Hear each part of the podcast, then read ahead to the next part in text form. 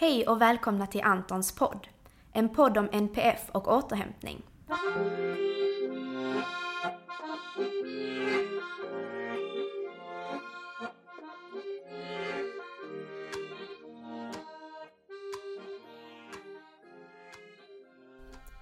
Jag heter Marie och kommer att i dessa poddavsnitt utforska olika aspekter av hur det är att leva med eller tillsammans med någon med NPF, neuropsykiatrisk funktionsnedsättning. Jag heter Josef. För tio år sedan så jobbade jag som pedagog på en särskola och fick en ny elev som hette Anton. Han lärde mig om autism och han lärde mig minst lika mycket om behovet av återhämtning. Jag lärde också känna Antons mamma, Lotta. Att leva med Anton är både fantastiskt och underbart. Men det är också utmanande. För Anton har svår autism och det påverkar hela familjen. Vi är ofta helt slutkörda och har ett stort behov av återhämtning. För att skapa möjligheten att få anpassad återhämtning skapade Lotta, Josef och Antons läkare Helena föreningen Antons hus. Denna podden handlar inte om Anton, men Anton har vi alla gemensamt. Podden är för er alla som också har en Anton.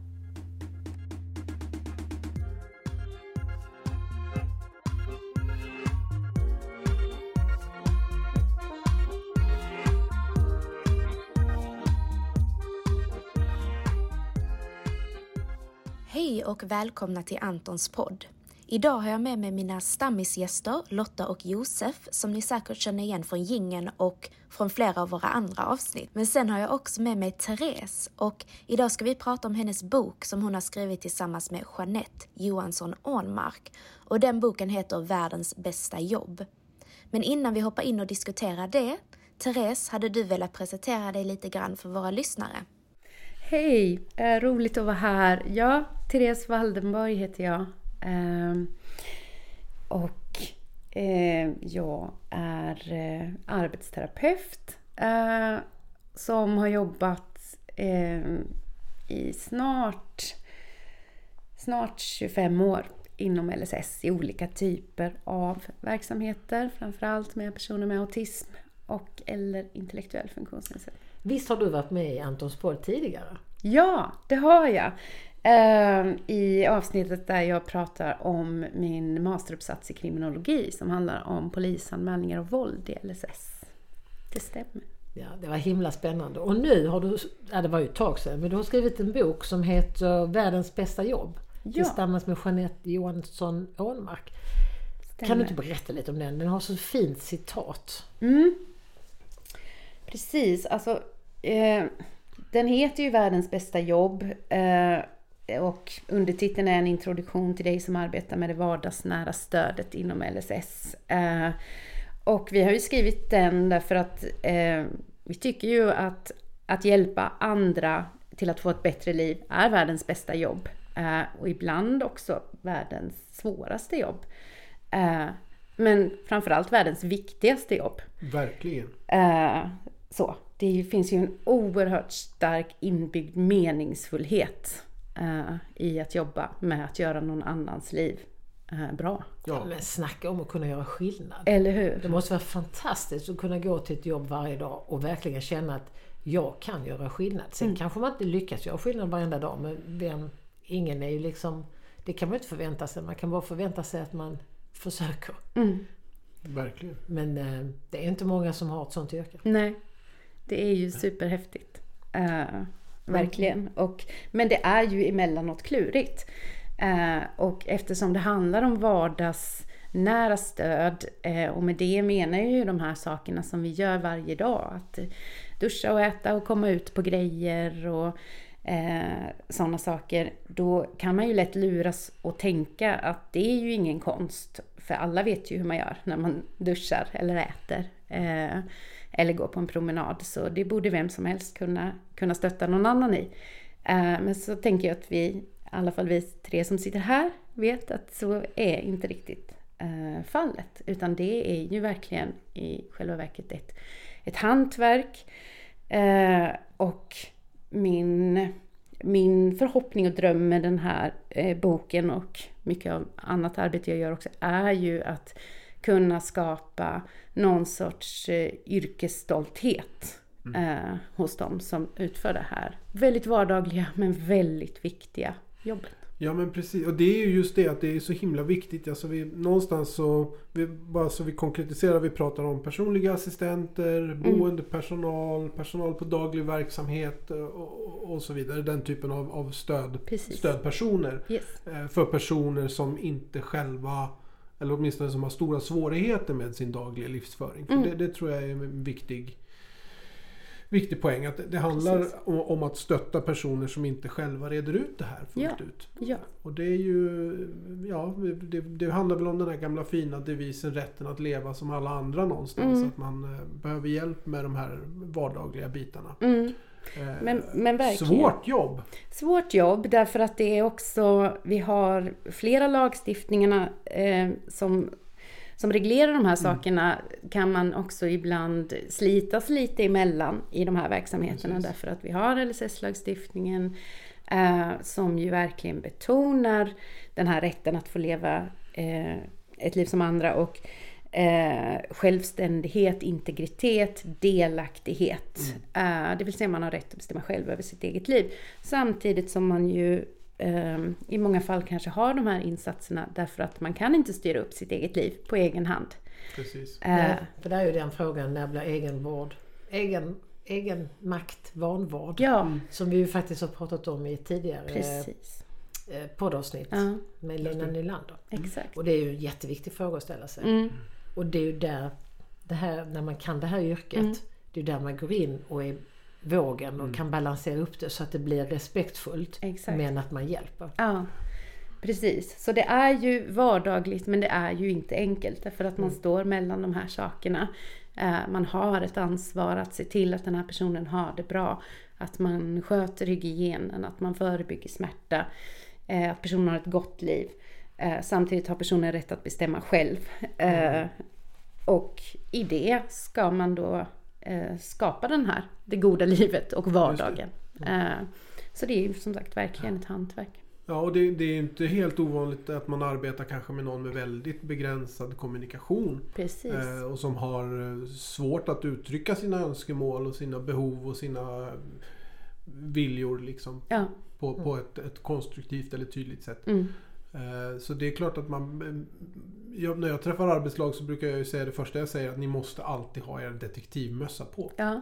Eh, Det är liksom ni som måste vara nyfikna och, och, och sträva efter att förstå vad är det som händer nu och vad behöver jag, vilken insats är det jag behöver göra här? Mm. Och det här är det är jättesvårt.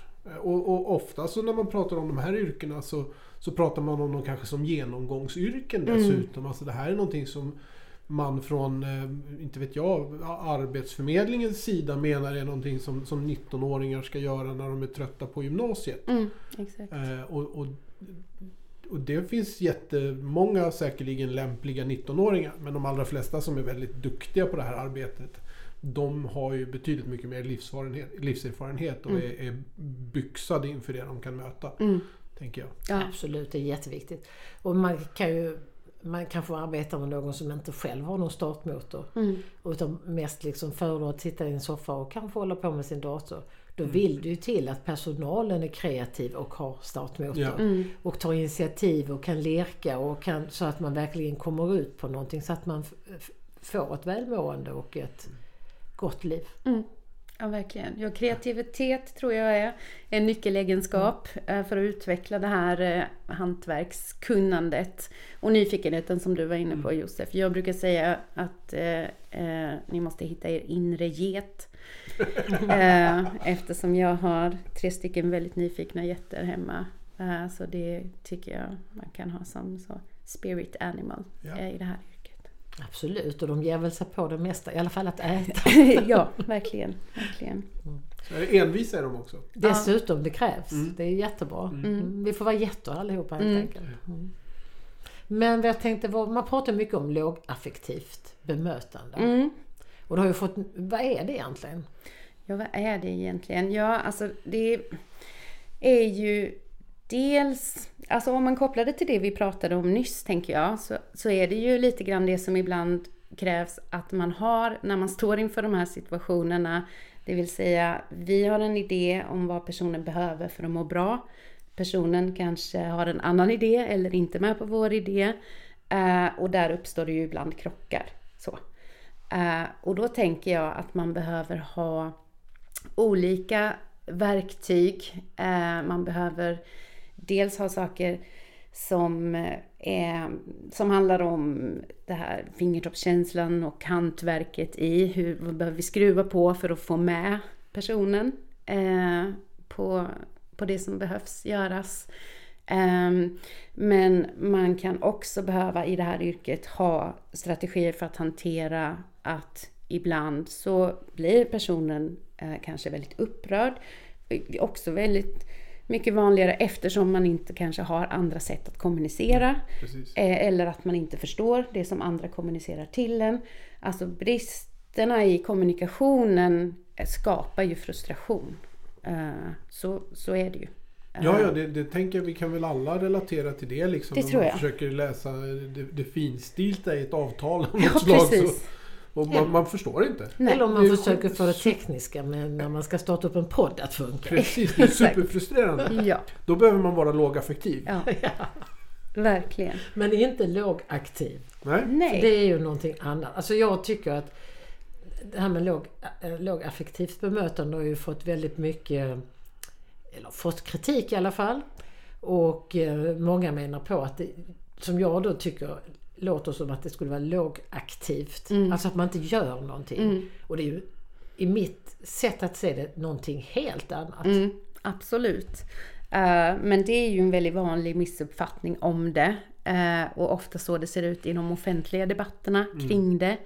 Uh, jag tänker att ehm, det kan ha att göra med att alltså, när vi pratar om, om, om det lågaffektiva så är det så att det vi pratar om eh, att man inte ska göra, eh, de grejerna är ganska allmänmänskliga och generella. Så det kan man liksom prata om eh, alltså till exempel att man ska inte blåsa upp sig, markera sig fysiskt, göra sig stor och hotfull. Eh, som ett exempel, eller gå för nära. Så det finns en massa sådana, eh, det här är bra att låta bli om man mm. vill vara lågaffektiv. Och de är som sagt väldigt allmänmänskliga. Så de är liksom lätta att lära ut. Men vad man ska göra, där behöver vi ju individanpassa och hitta individuella lösningar. Därför är ju den frågan lite svårare att lära ut snabbt till en grupp. Eh, därför att det handlar om också delvis ett hantverkskunnande och att lära känna personen. Mm. Att man har byggt upp en relation. Och en relation, exakt. Ja. För den andra personen, om man vill få en annan person att göra någonting som inte är vad den personen liksom snabbast tar till sig, mm. att man vill en förändring. Mm. Då måste man ju ha en tillit ja. till den personen som ska förändra. Man måste ju lita på att det förslaget kan, kan fungera. Ja. Och så fungerar vi ju allihop. Ja, verkligen. verkligen. Så att det är ju jätteviktigt. Ja så är det. Men det här, det här, det här med jag... lågaffektivt, om man ser på eh, hundar. Så jag har en eh, hund. Och han är en glad skit. Och möter vi andra hundar som då är aggressiva eller arga. Eller, mm. hans, ska det bli en fight så bröstar han ju också upp sig ja. och kaxar. Mm. Då blir det en fight. Mm. Men det gör ju inte han. Nej. Utan då lägger han bak öronen och viftar på svansen och gör sig lite mindre och backar lite. Mm. Ja. Lågaffektivt bemötande. Yes. Och då kan den andra också få en chans att backa och ge sig lite och så går man vidare. Mm. Eller så kanske man till och med börjar leka. Mm. Men, men, men där är det mycket lättare att se. Mm. Djur gör så. Mm. Där ser man det tydligt. Mm. Vi är precis likadana. Mm. Nej, vi är inte precis likadana som djur, men i detta sammanhanget. Mm. Mm.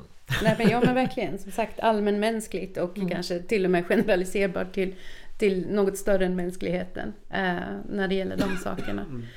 Um, men jag tror att just det här att, att det är lättare att sammanfatta vad man ska låta bli. Eh, det tror jag också kan bidra till att det blir svårare i debatten. Det blir svårt att nå fram. Eh, därför att när man då säger, jaha men vad ska vi göra?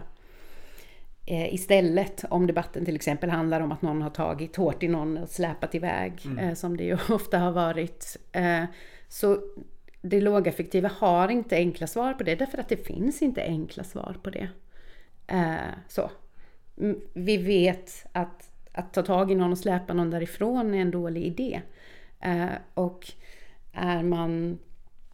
Eh, är man i den här världen med ett lågaffektivt tänk så kommer vi att i stunden förhoppningsvis ha andra idéer. Men exakt vad det är beror ju på den man har framför sig och situationen i sin helhet. Och det här är ju den komplexiteten görs ju inte så bra i snabba debatter. Nej, det, alltså debatter per definition är väl, är väl ett dåligt forum för att handskas med komplexa frågor. Ja, lite så, så tänker jag. Men, men, jag tänker så här, det, det, precis som du säger, det, det, är ganska lätt att, att beskriva, så här ska man inte göra, det blir inte så bra om man mm. gör så här. Men om, om man då ska beskriva vad ska man göra? Eh, då tänker jag då måste man börja med kartläggning av den enskilda individen. Mm. Eller hur? Mm. Jag vet ju att du har hållit på en hel del med sånt. Mm. Eh, vill du säga någonting om det? Liksom hur, var, var, vart börjar man nysta? Säg, så här, säg, så här, säg att någon sitter och lyssnar på den här podden nu och som jobbar på ett boende och som mm. har problem i sin arbetssituation kanske. Att det, mm. det, det, funkar inte. Man känner inte att man man känner sig inte nöjd när man går hem för dagen. Man känner inte att man har gjort det man kan. Var börjar man nysta? Vilken tråd drar man i liksom? Ja, ja det finns såklart många ingångar i det. Eh, där skulle jag också bara vilja passa på att nämna ett annat område som jag föreläser väldigt mycket om just nu. Eh, där jag förespråkar, kanske framförallt i de fall där det är väldigt mycket som är svårt och jobbigt mm. eh, eller våldsamt. Att ibland helt enkelt börja i andra ändan. Eh, att titta på vad är det som funkar och vad kan vi göra mer av det? Och då brukar jag ju eh, ta min utgångspunkt i en förkortning som heter PERMA.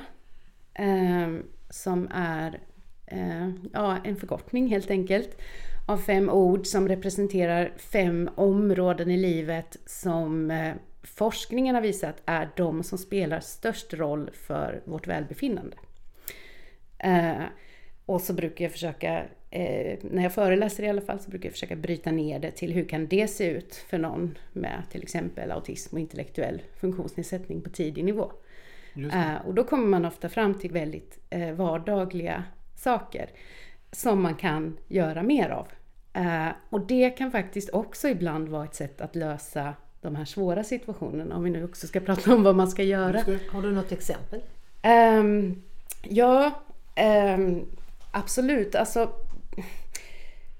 vi, jag brukar ta ett exempel på mina föreläsningar eh, med, jag har lite olika i och för sig, eh, men för jag går igenom liksom bokstav för bokstav.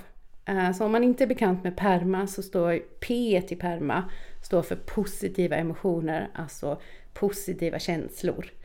Eh, och här blir det ju väldigt viktigt med det individuella mm, perspektivet. Mm, därför att det är ju inte samma saker som framkallar positiva känslor uh, hos oss. Så. Uh, jag tycker till exempel väldigt mycket om att bada kallt ute på vintern. Jag avskyr det. Ja det är ju inte så att jag förespråkar att alla ska kasta sin isvak eh, och hänvisa till perma. Utan här behöver man ju verkligen hitta. Eh, och eh, om man då inte, om man kanske jobbar med någon där man inte kan fråga, mm. eh, så handlar det ju om att vara den här detektiven eller geten. Det handlar om att vi sätter oss ner tillsammans och funderar på när ser vi att den här personen skrattar? När ser vi att den ler? När ser vi att den har ett ansiktsuttryck som att någonting är mysigt eller gott eller härligt? Eh, alltså positiva känslor är inte bara att skratta. Eh, liksom så. Det kan ju vara humor och sådana saker men det kan ju också vara att någonting känns skönt, mycket sinnen. Precis. Mm. Ibland kan man bara säga att ansiktet slappnar av. Ja, Oftast går människorna i ständig stress och mm. liksom, är, liksom är, stel, är stela i sitt ansikte. Ja. Men när man hittar något och bara ser Precis, hur det bara slappnar av. Exakt. Det är fantastiskt. Så det är de sakerna man tänker, mm. att man tittar efter där. Uh, och E står ju för engagemang. Och där brukar jag framför allt på autismområdet tycka att det finns två viktiga nycklar här. Och det ena är ju eh, stimming, alltså de, det som kallas repetitiva beteenden. Eller eh, alltså stereotypa beteenden. Ja, att man viftar med Man viftar, man, eh, man gungar, man flärper med en grej mm, eller ett mm. snöre. Eh, det är ju någonting som jag ofta upplever att man pratar jättemycket om. Hur ska vi få personen att lägga av med det här? Just det. Eh, och jag uppmanar verkligen till att man ska testa och tänka så här: wow, kolla vilket flow. Ja men precis, Mm. för det är ju en strategi för Ja, någonting. ja. Det är ju ett uttryck för Ja, något. och där kan man ofta se det här personen landar i, där personen är i den här eh, liksom världen. Det är ofta sinnen involverade i det här också. Eh, och det kan vara så oerhört avslappnande eh, upplevelse. Sen absolut kan man ofta se också att ja, det kanske ökar under stress. Men det är ju för att när man är stressad behöver man mer av sina copingstrategier. Eh, Så då får man ju se över istället vad personen är stressad över. Så. Det andra ett, tycker jag är eh, specialintressen.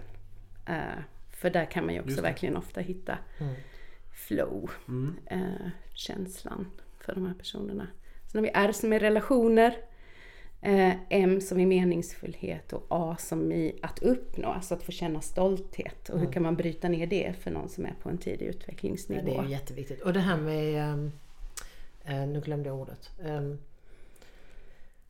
du sa R och sen sa du M. -et. Eh, meningsfullhet, Precis. eller mening är det i, i den ursprungliga permamodellen, men jag brukar prata om meningsfullhet. Men meningsfullhet då menar man ju för person. ja, det är ju Inte en för oss extremt runt- viktig precis. poäng. Det är ja. ju inte det som är meningsfullt för oss. Till exempel Nej, nej. att vifta med händerna kan ju, nu menar jag inte att det är just det, men det kan vi tycka är meningslöst. Men för personen är det väldigt meningsfullt. Ja. Så man måste ju, det är ju väldigt viktigt att Mm. inte tappa bort. Mm. Så ja, ja men PERMA skulle jag ju också kunna prata om hur länge som helst. Men som ett exempel på eh, en, en bra kartläggning tycker jag. Eh, och ibland, framförallt när det är så här super, super svårt. För då blir vi all, annars så fokuserade på att räkna eh, räkna slag eller eh, precis. göra kartläggningar av hur, och det, jag säger absolut inte att det ena utesluter det andra. Men ibland behöver vi bara så, alright, situationen är supersvår, nu lägger vi det åt sidan. Och så bara brainstormar vi utifrån de här ämnena. Vad kan vi hitta? Vad är det som personen själv eh, upplever som meningsfullhet och glädje? Mm. Ja, men det är jätteviktigt. Det är, alltså, det är som två vågskålar på Mm. något vis. Och vill man att det ska tynga över i den positiva vågskålen så kan man ju kanske för en stund sluta fokusera på det som ligger i den negativa vågskålen. Mm. Och det gör ofta någonting med de som också ska utföra Mm. Precis. världens bästa, viktigaste, svåraste jobb faktiskt. Att ha Mm. det, få ha det i fokuset. Det brukar göra något med hela gruppen. Ja. Ja, för det är inget kul att gå till jobbet oavsett vad man har för jobb om man går dit och bara funderar över problemen. Nej. Och vad som är jobbigt och vad man behöver hantera och vad man behöver ta itu med och så Mm. vidare. Utan det är mycket roligare kanske att gå dit och fundera på vad, vad kan vi göra idag som gör den här dagen riktigt, riktigt bra för personen som Mm. jag ska stötta. Mm. Och det är svårt och det är svårt att få till ett, ett gott liv utan att aktivt lägga till de här sakerna. Alltså, sen behöver man behöver ha eh, kartläggningar kring varför blir det, vad är det som blir jobbigt för personen, vad kan vi göra åt det, eh, varför eh, och i vilka situationer och så vidare. Massa saker man kan titta på. Men, men jag tänker att det räcker inte för ett gott liv. Det räcker eh, en bit för att undvika liksom eh, eh, vanvård och misskötsel. Men för ett gott liv behöver vi faktiskt eh, ett snäpp till. För jag tänker också att man måste vara lite, ha lite tålamod med sig där. För att eh, när man gör någonting som förändrar, till exempel att ansikts, ansiktet, man, man ser hur personen slappnar av och släpper ner axlarna lite.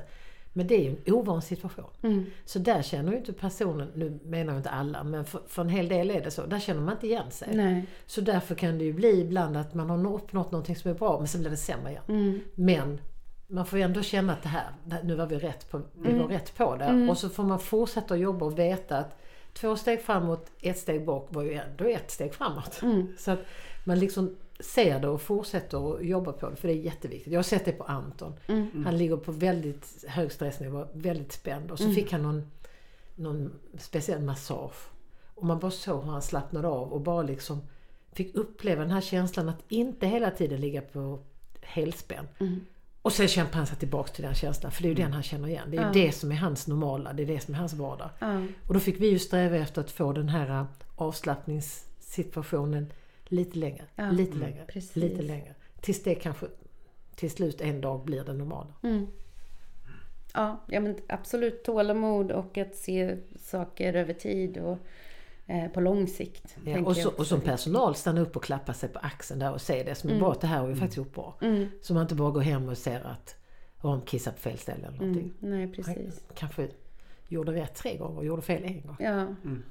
Men det här med sinnen och perception eh, tänker jag också är viktiga delar både när det kommer till att hitta det här som känns härligt och mysigt men också det som kan vara eh, stressfaktorer. precis. eh, framförallt på autismområdet tänker jag att de, de delarna, alltså för alla människor men på autismområdet blir de ofta lite De blir mer markanta. Ja, och det är väldigt viktigt att bli medvetna om mm, både vad som tar energi och vad som ger energi. Ja. Och också veta att det kan skifta. ja, Det kan skifta över dagen och det kan skifta mellan tiden från, alltså, Mm. under längre tid. mm, Fokusera eh, oftare på det positiva. ja, Eh, lär dig lite strategier för hur du förhåller dig till en person på ett, ett lugnt och lågaffektivt sätt. ja, Eh, kartlägg gärna. Eh, Yes. inte minst, vi pratade om energi, energipåfyllnad och energi, vad som ger och vad som tar energi.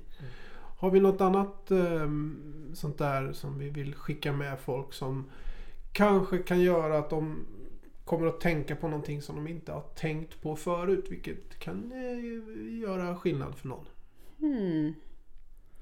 Det var en 10 klurig- 000 kronor. Ja, Det är väl ingen idé att ställa enkla frågor. Nej, Nej, de ska ju förstås. bara besvara det hoppas man. Ja, Jag tycker att det här med lågaffektivt bemötande, min erfarenhet är att det fungerar alldeles utmärkt. Men att det absolut inte är samma sak som att man inte gör någonting. Nej. Att det är inte samma sak som låg, vad nu sa innan, lågaktivt. Precis. För att, att om man är lågaffektiv men visar, så här ska du göra. Mm. Då, då, och ändå sätter gränser. Mm. Man kan till och med i många fall säga det är fel, men det här är rätt. Mm. Men göra det på ett, på ett, på ett liksom respektfullt och lågaffektivt sätt och inte vråla och skrika och peka med hela handen och ha fingret i luften. Utan det är det som är skillnaden. Absolut. Och det är ju vanligt såklart att man, att man eh, misstar lågeffektivt eh, bemötande och tänker att det bara handlar om att backa, undvika, eh, tassa. Eh, och det som händer då är ju att vi utstrålar en massa jobbiga känslor eh, som smittar. Så det, jag, jag skulle vilja skicka med att det är verkligen möjligt att vara eh, tydlig eh, men vänlig och lugn samtidigt. Eh, och det vi vill utstråla är ju mer så jag, jag ser att du är, har det superjobbigt, du är jätteupprörd. Men jag pallar det. Jag finns kvar, jag ger dig lite space. För det behöver du i den här situationen. Men jag finns kvar. Jag står här borta, jag är trygg, stabil, lugn. Du kan lita på mig. Du kan lita på mig. Eh, och det, det uh, utstrålar man ju inte om man, om man bara backar och uh, uh, tassar iväg uh, och undviker. Tack så jättemycket Therese för att du kom och Tusen pratade tack. med oss. Det är fantastiskt att ha dig som poddgäst. Tack så mycket. Hej med er! Hej, Hej. tack så mycket.